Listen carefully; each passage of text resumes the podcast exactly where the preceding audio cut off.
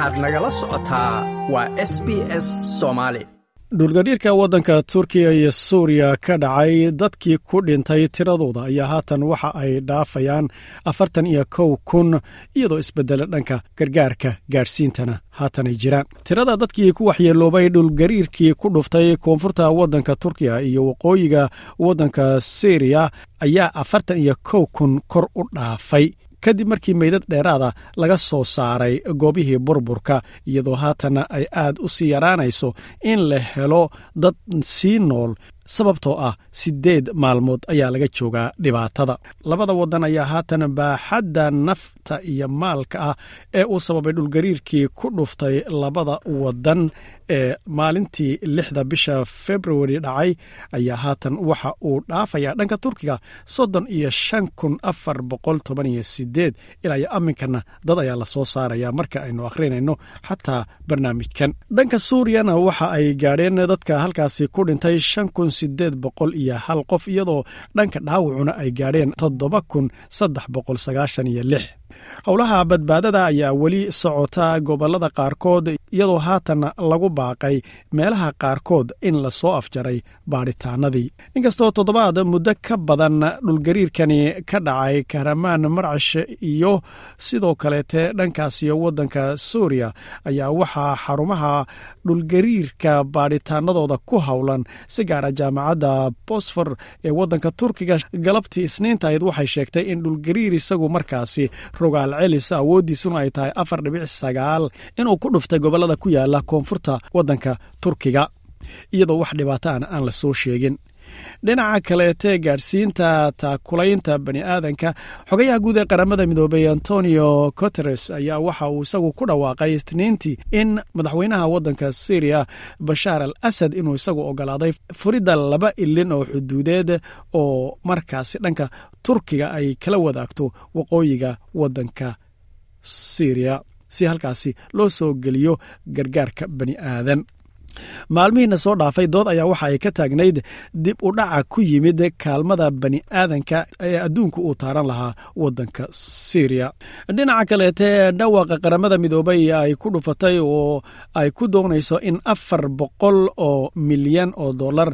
loo ururiyo dadka ku waxyeeloobay waddanka suuriya ayaa haatan isagu bilowday iyadoo qaramada midoobay xogayaheeda antonio uu isagu ku dhawaaqay maalinkii talaadadeedina dhaaftay dhawaq ku saabsan in si deg dega afar boqol oo milyan oo dollar oo kaalmo iyo taakulayn u noqonaysa dadka ku waxyeeloobay dhulgariirka ee syriya saddex biloodna baaxaddaasi lagu dabarayo in la sameeyo. Saxafiyiinta ayaa waxa uu yidhi maanta ayaan waxa aan ku baaqaynaa qaramada midoobey haddaan nahay inaan baahino dhawaq bani aadan oo lagu kulminayo saddex boqol sagaashan iyo toddoba milyan oo dollar oo dadka degaanka ahaa oo wax ku yeeloobay dhibaatooyinkii dhulgariirka ee syriya ku dhuftay iyadoo tanina ay dabooli doonto baahida saddex bilood. Isagoo sheegay in qaramada midoobey sidoo kaleete ay dhawaq kaleete tabin doonto oo ah in gargaar loogu deeqo dadka iyaguna waddanka turkiga ku waxyeeloobay.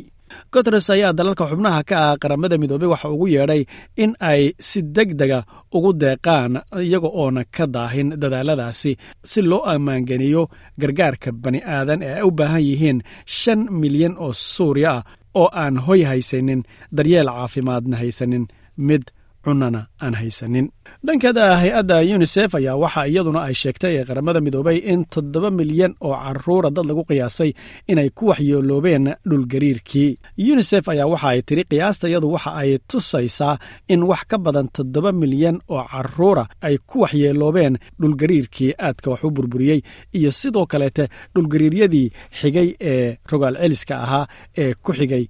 kii ugu horreeyey ee dhacay turkiya iyo syriana ka dhacay. Afhayeenka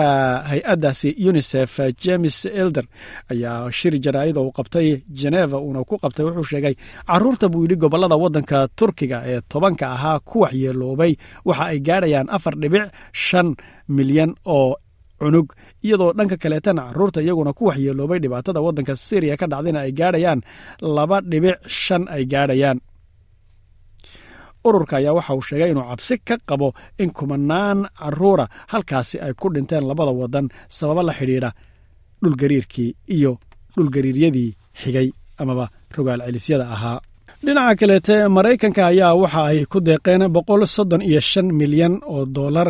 taasoo taakulayn iyo gargaar u ah dadkii ku waxyeeloobay dhulgariirkii waddanka turkiga iyo waddanka syriya ka dhacay. Mas'uuliin u hadlay wasaaradda arrimaha dibadda maalintii talaadada ahayd ayaa waxay sheegeen in xukuumadda waddanka maraykanka iyo sidoo kaleete hay'adaha gaarka loo leeyahay ay tabarucaad ay isku biirsadeen ay isla gaadhay boqol soddon iyo shan milyan oo dollar oo loogu talagalay gargaar amaba taakulayn waddanka turkiga iyo waddanka syriya ayaa looga hortegaya dhibaatooyinkaasi dhulgariirka uu keenay. Gargaarkan ayaa waxaa ka mid ah qayb haatan soo gaadhay oo qiimaheedu uu yahay siddeetan iyo shan milyan oo dollar oo maraykanka ka timid taasoo loo khaas yeelay in loogu diyaariyo dadka waxyaabaha baahyaha deg dega ah sida bustayaalka iyo cunnada iyo goobaha ay degayaan teendhooyinka iyo wixii la midka ah. Uulada arrimaha dibadda ee arrimaha yurub iyo aasiya shir jaraa'id qabatay waxay sheegtay in waaxda gaarka loo leeyahay ay ku tabarucday amaba ay bixisay deeq gaadhaysa konton milyan oo dollar iyadoo loo gaar yeelay waxyaabaha isgaadhsiinta dhanka cirka ah iyo dharka iyo cunnada iyadoo tabarucaadkaasina ay aad u soo badanayaan. Maalmihii u dambeeyey halkaasoo ay gaadhay soddon milyan oo dollar toddobaadka gabayaaqadiisii dhinaca kaleete khabiir waddanka astreeliya u dhashay ayaa waxa uu ku tilmaamay baaxadda dhibaatada turkiga ka dhacday inay tahay arrin aan bani aadanku rumaysan karin hogaamiyaha kooxda astreeliya ee ka qaybgalaysa howlaha badbaadada ee wilaayada hatay ee waddanka turkiga granit rice waxa uu sheegay in xajmiga ama baaxadda dhibaatada dhulgariirka koonfurta turkiga ka dhacday ay keentay in ay tahay wax aan la rumaysan karin buu yidhi. Rice waxa uu sheegay isagoo wakaaladda anadol la hadlaya ee turkiga inuu rumaysan yahay in ka soo kabsashada dhibaatooyinkan ka yimid dhulgariirka inay qaadan doonto wakhti buu yidhi aad u dheer.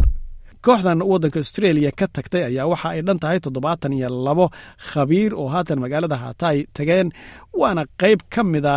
kooxda dhanka talabixinta ku saabsan ee heerka caalamiya ee badbaadada iyo baadhitaankana adeegsanaya ma doonaysaa sheekooyinkan oo kale? Ka dhegayso apple podcast google podcast spotify ama meel kasta oo aad bodkastigaaga ka hesho